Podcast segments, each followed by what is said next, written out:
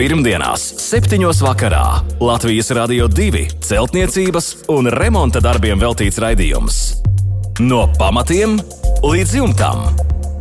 Ar padomiem un atbildēm uz klausītāju jautājumiem Latvijas Rādio 2 studijā - tehnisko zinātņu doktors, būveksperts Juris Biršs. Sveicināti raidījumā no pamatiem līdz jumtam. Studijā Inese un būveksperts, tehnisko zinātņu doktors Juris Biršs. Nākamo pusstundu sniegs jums padomus un arī atbildes uz jūsu iesūtītajiem jautājumiem. Labvakar, Birškungs! Labvakar!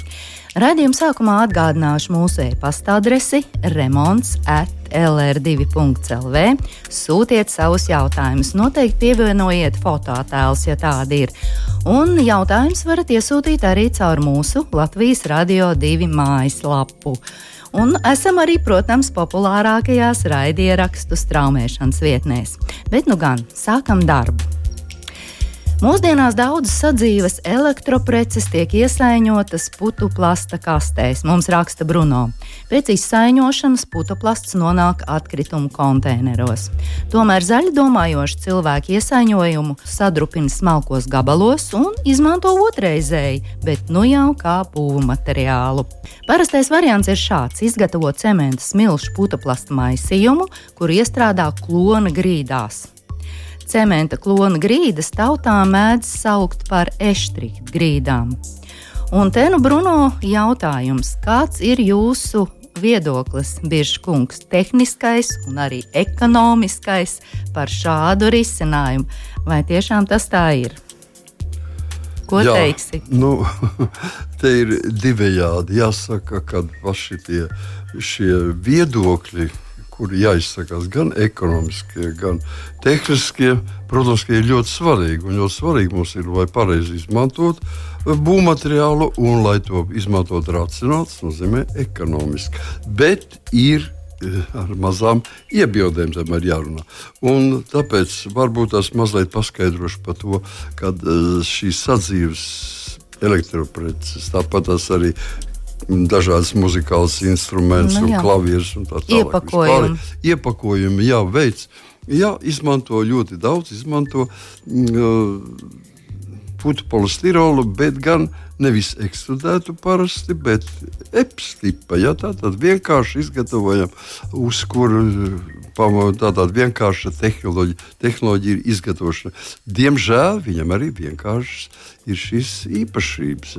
īpašības ir, un galvenās īpašības, kas, kas mums varētu interesēt, tā ir neizturība pret temperatūrām, pret saules enerģiju, ultravioletiem stariem un nu, teiksim, teiksim, pret vienkārši, vienkārši viņi noveco. Tātad neizturība pret temperatūrām un ārkārtīgi ātri noveco. Jo ir, tas ir porants materiāls. Visiem zināms, tur ir miljoniem poru, un šīs poras veido virsmu milzīgi. Un šī milzīgā virsma pie mazākām izmaiņām veco, noveco. Un, Tā kā sairst? Nu, īstenībā savā ziņā sairst. Savā ziņā nu, nesairst mehāniski, mehāniski, bet katrā gadījumā viņa zaudē savas siltumtehniskās īpašības ļoti stipri un galu galā arī krāsu un arī sāk, sāk sairt tīri mehāniski. Tāpēc teiksim, es mazliet gribētu runāt pretī. Um, teiksim, jautājumu uzstādītājiem. Un pirmkārt, jau gribās man teikt, ka mēs nevaram cementa klonu grīdas, tās, kuras saucam par eštrihu grīdām, saistīta ar putu materiāliem. Šajās grīdās nav nekāda saistība ar putu materiāliem. Šis ir cementa, ne tikai klons, tas ir tātad cements, kā Portlands cements, jebkuras markas, kā saistviela un ir smilšu frakcijas, palielināts varbūt tas uh, granulētiskais izmērs un attiecīgs ķīmiskās piedevas, kas nodrošina mums plasticitāti, mēs izstrādājam šādu sastāvu. Šāds sastāvs ir nelielos, ne biezumos, teiksim, no, no 3 līdz 10 cm apmēram tajā diapazonā. Viņš tiek iestrādāts, un to mēs saucam tieši grīdās kā eštrika, bet um, grīdu materiāli, bet tas nav saistīts nekādā gadījumā ar putu plastu piemaisījumiem. Ļoti bieži sajauc citu, kad ir ir uh, polipropilēna skaidrs, liek iekšā. Tas nav polistirols, tas ir polipropilēna skaidrs, lai stiegrotu lai būtu mikrostiegrojošs materiāls. Stiegrojošs materiāls, kas nodrošina stiprāku teiksim, plaisu izturību. Ja? Tad, tad mēs sakām, mums ir rukuma, mēs sa, nodarbojamies pretī rukumam un samazinām iespējas plaisāt šim betonu materiālam. Es ieteiktu savādāk. Varbūt, ka nebija spla, nev, nevajadzētu jau tā poraino materiālu vēl sasmalcināt. Ja? Nu, Sācis priekšā, ja visas tie, tās daļiņas, kas atradīsies pavērstas tuvu atmosfēras iedarbībai vai, vai telpu iedarbībai, viņas izgaro nevisai patīkamas, garojušās vielas, kas ir indīgas, toksiskas, un otram kārtam tātad ātri pazaudēt savas īpašības. Tas nav patīkamākais variants. Tāpēc es ieteiktu pielietot to paņēmienu, ko pielietoja eh, obligātā veidā vēl vecajos, eh, teiksim, Krievu laikos, ja, kur, bija lieta, kur bija ārkārtīgi svarīgi ugunsdzēsējas noteikumi, kas teica, ka neviena Toreiz tieši modē bija šie, šie epstipa putu polistirols. Ja, mm, ekstrudētais vēl tajā laikā nebija tajā nemaz savienībā nebija dabūnams. Ja. Un, un tāpēc, teiksim, lai mēs varētu pielietot viņu, obligāts noteikums bija ielikt viņu iekšā betonā. Tātad no visām pusēm, četrām pusēm, riņķī betons. Tā kā siltumizolācijas materiāli. Nu, ne, viņš ir pilna materiāli. Redziet, vienām kārtām viņš strādā, tomēr uzlabo konstrukcijas, nevis materiāli, bet konstrukcijas. E, siltumtehniskās īpašības, jo mums veidojas betons, siltumizolācija, betons. Ja? Kā, kā materiāls, katrs darbojas atsevišķi, bet kā iz, kā konstrukcija. Kopēji, viņš uzlabo, jā, jā. uzlabo lamdu, mm. uzlabo U, U vērtības. Teiksim. Un, un tāpēc, teiksim, es, man nekas nav pretī, ja teiksim, sienu konstrukcijā vai grīdas konstrukcijā ieliksiet iekšā jau plākšņa veida materiālu no visām pusēm apsektu ar šo, teiksim, kaut vai to pašu eštriku, vai vēl labāk ar liemo betonu. Mēs izveidosim telpisku konstrukciju. Mums veidosies dobums, tukšums, kas ir aizpildīts ar siltumizolācijas materiālu. Tas ir labāk nekā pilnīgs tukšums. Latvijas apstākļos mēs kondensātu samazināsim konstrukcijas iekšienē ļoti stipri. Mhm. Tāpēc pielietot to var. Man jau gan labāk patīk, ka mēs pielietotu to ekstrudēto. Jo tas tomēr ir ilgi izlaists, jau ar labām mehāniskām īpašībām un ilglaicīgāks mm, materiāls. Bet pielietot un galīgi teikt, ka, ka nevar lietot šo materiālu, lūdzu. Īpaši, teiksim, es ieteiktu to likt iekšā, ja mēs veidojam uz sliktām augstnēm, sliktām gruntiem veidojam dzelbetonu plātni, un tad speciāli likt šo epsi iekšā, lai izveidotu tā saucamo nu, tādu telpisku konstrukciju. Visapkārt būs betons, bet pa vidu to, ko aizņem šis materiāls, paliek tukšs. Ja? Mums veidojas it kā no tādiem trauciem sastāvošs. Tas ir moderni un tas palīdz.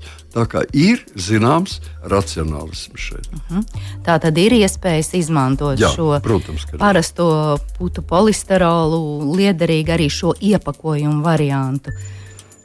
Jā, paldies Bruno par jautājumu, un paldies Biržkungs jums par šo vērtīgo ieteikumu. Un mēs turpinām.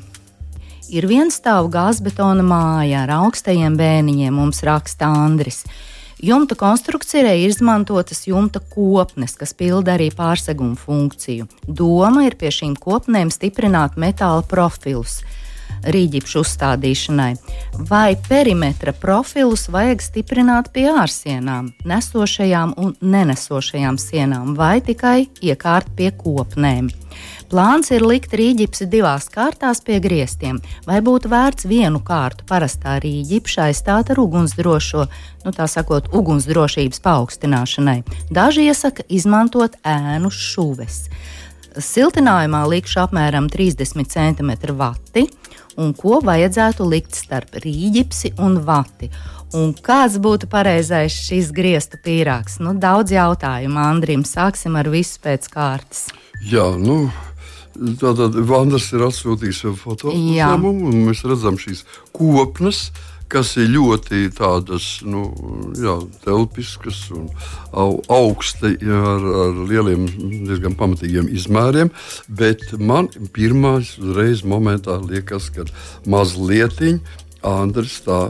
Nu, diezgan vieglprātīgi pašais vismaz raksta to lietu, jo, jo vienas kopnes vien nenodrošinās mums uh, pārsegumu. Ja? Jā. Tātad uh, skopnēm vai nu ir iekārtas, es domāju, un ne tikai iekārtas, tur jābūt arī, arī šim pārseguma konstrukcijai, kur ir vai nu iekārta, un šajās kopnes un kopnes uh, nespēja to pieļaut vai arī viņa darbojas atsevišķi kādā veidā, teiksim, uz, balstoties uz sienām un uz centrālo. Ja, teiksim, kopne.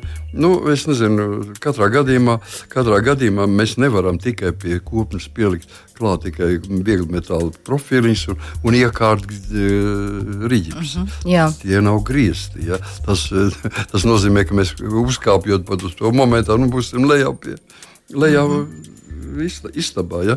Tas nozīmē, ka tomēr pārsegumiem domāju, ir paredzēta un jābūt paredzēta sava konstrukcija. Mēs nevaram tikai piestiprināt un pēc tam uzbērt virsū tur nu, teiksim, siltumizolācijas teiksim, 30 centimetru vati uzlikt virsū. Šeit būtu jāpadomā, kur tad tajā gadījumā mēs liksim tvaika izolāciju. Ja, Tātad istabā būs silts. Mēs nevaram ļaut, lai siltums aizplūst uz augšu. Tā ir diezgan sarežģīta lieta. Es domāju, ka mēs vienkārši apskatot katru, katru e, elementu, mēs šodien nepabeigsim. Tāpēc es vienkārši vēršu uzmanību, kur ir Andrim vajadzētu padomāt, vai tā var to darīt. Ja? Uh mhm. -huh. Un kas attiecās uz, uz dzel, atsūtīto šo, šo foto, tad ir, nu, es redzu, ka pa perimetru nu, gāzbetonām ir ielikās uzlikts virsū. Nu, tāds iespējas ir, ka tur ir kaut kāda koka konstrukcija. Tā kā līsta izskatās. Jā, izskatās jā. kaut kas, bet īstenībā gāzbetons bija jābeidz ar monolītu dzelzbetona joslu. Nu, vismaz nu, vismaz 16 cm augstumā stiegrota dzelzbetona josla, uz kuras varētu balstīt lūk, šo, šis uh, kopnes elements, kopnes varētu balstīt. Un tad viss pārējais paliek tā saprātīgākas mm -hmm. domās. Jā, un tad turpinām. Un nākamais jautājums Andriem bija šāds: vai būtu vērts vienu kārtu parastā rīģipša aizstāt ar ugunsdrošo, ugunsdrošības paaugstināšanai? Nu, tas jau būtu pie nākamajiem darbiem. Jā, es domāju, ka tas ir. Ja mēs esam izlēmuši, lai likt tādā pirmā kārta būtu mitrumizturīgais rīģips, un otrā kārta ir tāda paša biezuma, tikai ugunsdrošais. Jā, tas palielinātu uguns noturību, nu vismaz pa kādam 30 minūtēm. Ja? Tā kā tas ir. Tas būtu to tas vērts. Ir, nē, protams, tas ir vienmēr uzlabot un pielietot, būt gatavam arī uz tādu neparedzamu kā uguns nelaimi. Ja? Gadījumu, bez šaubām, ka tas ir tas drošībai. Jā, jā. tas paaugstina drošību. Un daži iesaka izmantot ēnas šuves. Nezinu, kas tās par šuvēm, bet jūs jau zināt, noteikti. cik, cik es saprotu, ēnas šuves, ka mēs liekam, teiksim, pirmo riģipsu liekam visā klājumā, un vienu pie otra, un otro riģipsu mēs lieta, liekam vienu no otra nost atka, paliek starpā vai nu, teiksim, centimetrs, divi centimetri eh, sprauga. Paliek, ja. Viņa veido ļoti skaisti pie, pie apgaismas. Viņa veido eh, tādus. Nu, Tā kā gaismas spēle. Jā, jā kā gaismas spēle ļoti daudziem patīk. Un, un teiksim, sienās un griestos ļoti bieži izmanto šādas, Ēnas, šādas lietas. Nu, tās gan parasti izmanto lielās telpās, zālē, mm. lai, lai radītu kaut kādu dzīvību, nu, teiksim, ēnu kustību. Tas, parastāji, bet katrā gadījumā, jā, lūdzu, tās var lietot.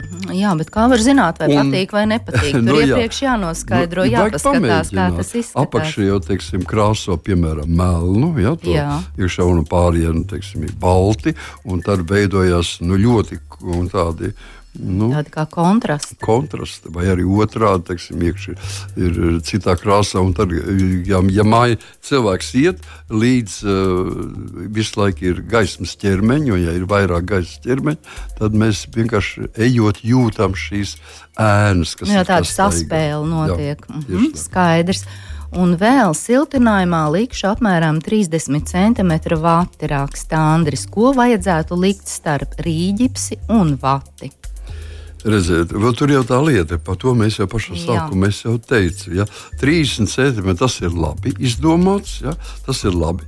Bet rīķipsi, nu, rīķipsim mitrums un siltums iet cauri momentāli. Ja? Mitrums vēl nedaudz aizskarbējas rīķipsi, kamēr viņš ir piesātināts. Ja siltums ļoti ātri iet cauri, tālāk viņš iet vatē un siltums mēs nevaram aizskavēt. Viņš tomēr tiem 30 centimetriem lēnām izies cauri. Kaut, kas, kaut kāds zudums mums ir siltumam, bet kad mitrums ieies tajos 30 centimetrus, viņš zaudēs, samazinās siltumizolācijas nu, jā. īpašības. Ja? Un tāpēc to mēs nedrīkstam pieļaut. Tāpēc tas nozīmē, ka aiz teiksim, šī rīķipša ir jābūt ar starpliku. Nevis lai viņš gulētu virsū, bet starplika, tad plēve, tvaikizolācijas plēve, tad atkal starplika, un tad seko šis siltumizolācijas materiāls, kas uz kaut ko balstās. Mēs tāpat nevaram. Tāpēc es saku, mums ir nepieciešama mm, pārseguma konstrukcija. Mm -hmm. Šī nav pārseguma konstrukcija. Tie ir vienkārši iekārti griezti, kas ir piestiprināti pie Nu, šiem nu, jumta kopnēm. Kopnes, jā. Jā. Mm -hmm. Tā, tie, tas nav pārsegums. Tā ir tikai iekārti griezti ar siltinājumu. Mm -hmm. Tad vajadzētu tomēr padomāt par pārsegumu. Mums ir domāts mājai augstie griezti. Vēl varētu domāt, ka mums būs siltie, siltais jumts siltināts. Mm -hmm. Tad mums būtu vienalga, ja, kas notiek. Mm -hmm. Bet mums ir augstie bēniņi. Mm -hmm. Pirmdienās, 7. vakarā Latvijas Rādio 2 celtniecības un remonta darbiem veltīts raidījums. No pamatiem līdz jumtam. Ar padomiem un atbildēm uz klausītāju jautājumiem Latvijas Rādio 2 studijā - tehnisko zinātņu doktors, būveksperts Juris Biršs. Un turpinājumā jautājums mums ir par grīdu. Kādu putu polisterolu izmantot zem siltajām grīdām? HPS vai EPS? Un atbilde pareizā ir tikai viena. Nu, izmantot brīvšomā mēs varam visas izmantot, tikai gan vienu, gan otru. Tā arī bieži dara. Bet, bet. Protams, ka Atbilde, pareiza atbilde ir tikai viena šajā gadījumā. Katrā gadījumā mums jāizmanto HPS vai tā saucamie, saucamie ekstrudētie putu polistiroli. Tie ir daudz blīvāki, iztur mehāniskās slodzes, pret temperatūru vismaz 70 grādu. Viņi ir stabili. Ūdens necaurlaidīgi. Nu, jā, diemžēl neelpojuši. Tas ir nu, galīgi mēs tā nevaram teikt ļoti slikti elpojuši. Tas gan abiem tā ir, un ļoti labi ja strādā kā hidroizolācijas. Pilnīgi pareizi. Un varbūt tas es mazliet paskaidrošu cilvēkiem, pat cik pie mums Nu, tomēr mēs atrodamies Eiropas sakot, ārējā malā un neatrodamies pašā centrā. Vienmēr pie mums atnāk vien, nu, vieniem no pēdējiem tie jaunākās atziņas par labākiem būvmateriāliem. Bet uh, pasaulē iet zinātnē ļoti tālu uz priekšu. Šodien um, vispār jau tā, pavisam būsim godīgi, epstipa, putu, poli, uh, putu siltināmie materiāli paliek ar vien mazāk modē var vien vairāk pāriet uz ekstrudētiem, un ne tikai uz HPS, bet pāriet arī uz tādiem, kuri ir nedegoši un kuri pat ir elpojoši. Nu, mūsu tirgu arī tādi ir. Mūsu tirgu vēl nav parādījušies. Diemžēl mūsu tirgu viņi parādīsies daudz, daudz vēlāk. Jo visā pasaulē ir, ir, ir tūkstošiem rūpnīcu, kas ražo un absolūti vēl ir ražošanas stadijā un netaisās nu, savu produkciju neražot. Tāpēc pamazām, pamazām viņus sakot, nu, izmanto īpašos gadījumos. Un, un, protams, jūs varat braukt kaut kur uz Parīzi un, un īpaši pasūtīt. Vai, mm. Neviens jūs netraucē, bet, bet e, īpaši gaidīt, ka viņi parādīsies mūsu būvmateriālu veikalos, es domāju, ir diezgan panāju. Un, un, un, un tāpēc es domāju, ka e, viennozīmīgi, ka, ka galvenais, ieteikt, galvenais, kāpēc man tas būtu jāpasaka. Tāpēc, ka paaugstinot, ja tas vēl ir parasta grīda, kur mēs tikai siltinām ar šiem materiāliem, tad viņam nav tik milzīga nozīme. Bet pie apsildāmām grīdām, ja saprotiet, darba šķidrums, kas virzās caurulītēs vai elektriskie kabeļi, paceļ temperatūru, nu vismaz darba temperatūra kaut kur apmēram 50 grādu nu, līmenī. Un tas jau ir pietiekoši. Ja mēs vispār atceramies, es teicu, jums līdz 70 mēs vispār izturam. Tas rada diezgan nu, deformatīvas iespējas. Un uz šīs grīdas vēl staigā. Un šīs grīdas atrodas vēl betons, un viņš spiež uz šo siltumizolācijas materiālu. Tas nozīmē, jo viņa būs mazāk mehāniski izturīga, jo viņa vairāk padosies slodzei, vairāk padosies slodzei tieši paaugstināts temperatūras dēļ. Tāpēc mums ir ir zināmi procenti, ja visi ir normēti un projektētājs zina šos jau gadījumus. Tāpēc es domāju, ka projektā neviens nekur neliek iekšā EPS tipu Mhm. teiksim, apsildamas grīdas. Tikai ekstrudēto. Jā, paldies par atbildi. No pamatiem līdz jumtam. Esmu iegādājies divu stāvu māju, mums rakstā Zintis. Mājai ir koka pakešu logi, gāzes apkure. Pirmajā stāvā siltās grīdas, grīdas segums flīzes, otrajā stāvā radiatori. Grīdas segums ir lamināts. Mājas sienas šķērsgriezums ir šāds: rīģipsis, 400 mm biezs vieglbetona mūris, 70 līdz 80 mm gaisa sprauga aizpildīta ar poliuretāna putām un 120 mm silikā ķieģeļu mūris. Vai tik tālu viss ir pareizi, Pirškungs? Nu, katrs būvē savu māju, kā pēc savām iespējām, pēc zināmā mērā pēc tā, kā viņam tas subjektīvi patīk. Bet es, kā speciālists, kā eksperts, teiktu, ka ne, nebija jēga būvēt ēku no brīnišķīga materiāla, kāds ir viegli betons, gāzbetons, ļoti elpojošs nu, teiksim, mitruma regulējošs materiāls, tāpat tas, tas ir riģipsis, un tāpat ārpusē atrodas silikāta ķieģeļa mūris. Uh -huh. Un to visu likvidēt ar to, ka 70, 80 mm gaisa sprauga, kas ir liela plata sprauga. Ja teiksim, nu, teiksim, 30, 40, maksimums līdz 50 mm, tā vēl skaitās normas robežās. 70, 80 mm gaisa sprauga jau ir ļoti plata sprauga un aizpildīt, aizpildīt ar poliuretānu putām. Tas ir. Nu, Redziet, tas ir milzīga robeža, milzīga, milzīgs šķērslis gaisa mitru gaisa, ūdens tvaiku un dažādu teiksim, gāzes sastāvu, kas, kas radās neizbēgami mm, organismiem dzīvojot telpā, nu, veidot, gaisa, veidot šo apmaiņu. Ja?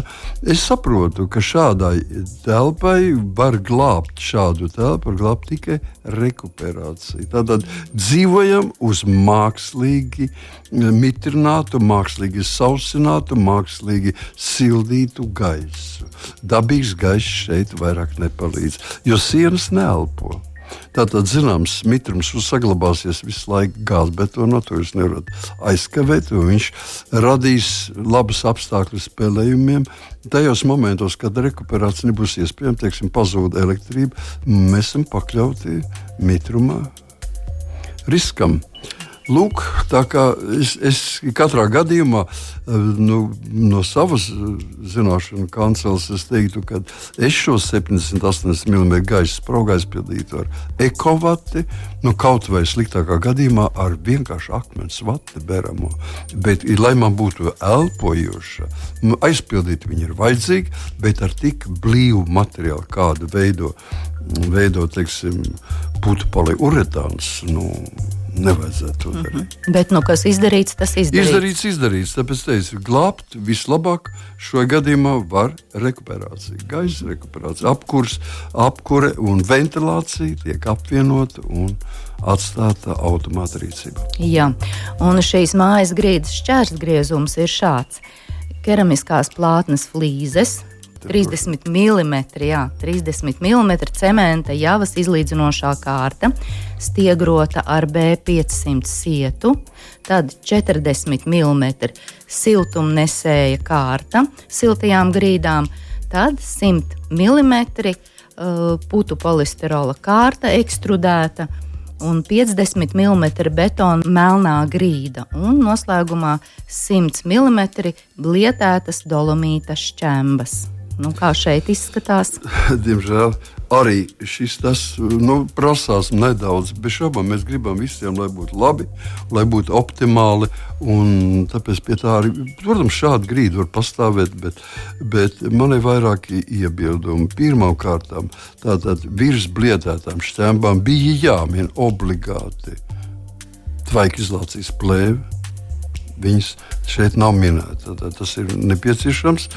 Otram kārtām tālāk seko 50 mm betona melnā grīda, lieliski, un tas seko siltumizolācijas materiāls. Nu, tās materiāls, ko raksta, ko raksta Zintis, nu, es ļoti šaubos, vai tas ir ekstrudēts. Jā, tas, lielāko, tas ir parasti šādas.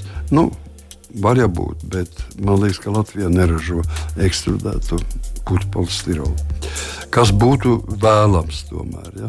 Un tālāk ir, tālāk viss ir pareizi. Ja? Tālāk ir siltumnesēja kārta, kas noteikti ir komplicētāka un netiek atšifrēta, bet, nu, acīm redzot, tur ir eštrīga betons, tur ir caurulīts, tur ir viss tas, kas ir nepieciešams.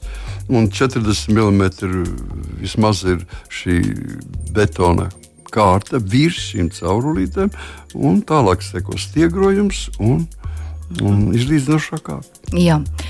Arī Tādā šis, ziņā viss ir kārtībā. Jā, arī šis darbs ir izdarīts, bet nu, re, šeit vēstulē ir turpmākais. Mājai ir izstrādāts būvprojekts, kurā paredzēta mājas ārsienu siltināšana ar 100 mm putu polisterolu. EPS 80 pamatu siltināšana ar putu polisterola 100 mm plāksnēm, 700 mm zem zemes. Vai ārsienas siltināšana ar putu polisterolu nenovedīs pie tā, ka mājas sienās sāks attīstīties pelējums, vaicā zintis, un vai mājas būvprojektā saistībā ar ārsienas siltināšanu vajadzētu izdarīt kādas izmaiņas? Laikam aizdomas tomēr zintim ir ja vajadzētu kādas un kāpēc, un vai pamatu siltināšana ar 100 mm plāksnēm putu polisterolu 700 mm zem zemes ir pietiekoša. Lūk, šādi jautājumi. Nu, jā, šeit ir diezgan pagrūti mums atbildēt, jo zināmā mērā aizdomas ir arī man ir aizdomas. Teiksim, varbūt tās, tas būs visvienkāršāk pateikt, kad ir savā veidā. Protams, ka nu, ko mēs varam darīt? Ja mēs cilvēki gribam siltināt uh, sienas ar, ar putekļu stirolu plāksnēm, mēs to drīkstam darīt. Mums, teiksim, bet tas atkarīgs no vairākiem faktoriem, kurus tad ir jāapskata. Nu, teiksim, precīzi jāprecizē, kāda ir šīs ēkas konstrukcija, kāda viņas platība ir, kāds viņas stāvu skaits ir. Un no daudziem citām lietām ir, ir pieļaujami, ja atsevišķos gadījumos mums ir pieļaujami kādas grupas ēka un tā tālāk, kur var pielietot izmantot šīs nu, putekļu stirola siltinājums. Bet pamatā lielākajai daļai teiksim, nu, teiksim, tur ir zināms ierobežojumi ar viņiem. Tāpēc man grūti pateikt, jo teiksim, šīs mm, putekļu plāksnes sam, paliek, jebkurā gadījumā teiksim, apgrūtinās šo teiksim, mitrumu un, un, un siltumu apmaiņas procesu, kas, atrā, kas mums būtu nepieciešams sienai. Bet eh, pielietot viņas drīkst zināmos, zināmos apstākļos. Bet ko būtu labāk pielietot? Nu, kā nu, labāk? Labāk vienmēr ir teiksim, ideāls gadījums. Mēs taisām ko, no koka lieliski kalpojošs materiāls. No, nu Varam no ārpuses siltināt ar ko tikai vēlamies, izņemot putekļu polistirolu, tādas neelpojušas lietas. Un mēs varam siltināt ar teiksim, minerālu vatēm. Nu, kāpēc mm. gan ne? Kāpēc jāizlietoja putu materiāli? Nu, ja, tas ir diezgan stipri atkarīgs no projektētāja un no cilvēka subjektīvām īpašībām. Ja. Jā. Tā kā mēs nevaram teikt, ka tā nedrīkst darīt. Tā drīkst darīt. Nu, pašam jāzina, kas tur varētu tālāk notikties. Kādas mm -hmm, lietas. Mm -hmm. Un tagad par pamatu siltināšanu. Nu, vai... Pamatu siltināšanu es varu jau būt, ka ļoti daudzi speciālisti to atzīst, es to neatzīstu. Jo teiksim, cilvēkiem vienmēr ir jāsaprot, ka no zemes nenāk augstums, no zemes nāk siltums. Ja, zeme, ja ēka tiek eksploatēta, tad zem ēkas nekad temperatūra nebūs zemāka par plus 4 grādiem Latvijā. Tātad plus 4 grādi nu nav nekāds augstums. Protams, tas nav siltums un kaut kāda zināmā siltuma izlaišana izolācija mums ir jāveido. Bet 70 eh, cm zem zemes, 70 cm biezs grunts slānis ir pilnīgi pietiekoši, lai viņu vispār nesiltinātu. Ja?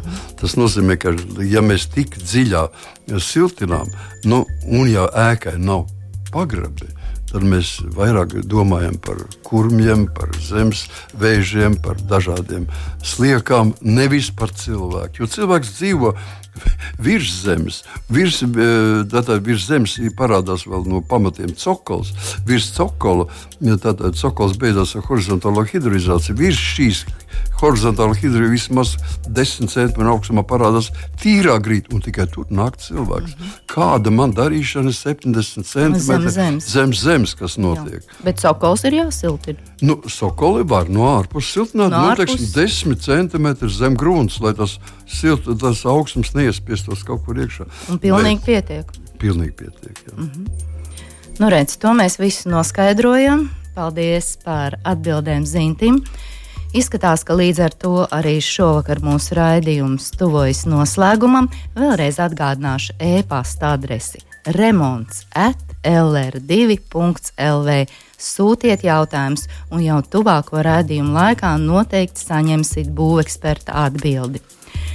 Jautājumus varat iesūtīt arī caur Latvijas Radio 2 mājaslapu. Bet šovakar paldies Biržkungs par darbu, lai mums visiem jauks, mierīgs vakars un uz tikšanos pēc nedēļas. Visu labu! Pirmdienās, 7. vakarā Latvijas Rādio 2 celtniecības un remonta darbiem veltīts raidījums. No pamatiem līdz jumtam. Ar padomiem un atbildēm uz klausītāju jautājumiem Latvijas Rādio 2 studijā - tehnisko zinātņu doktors, būveksperts Juris Biršs.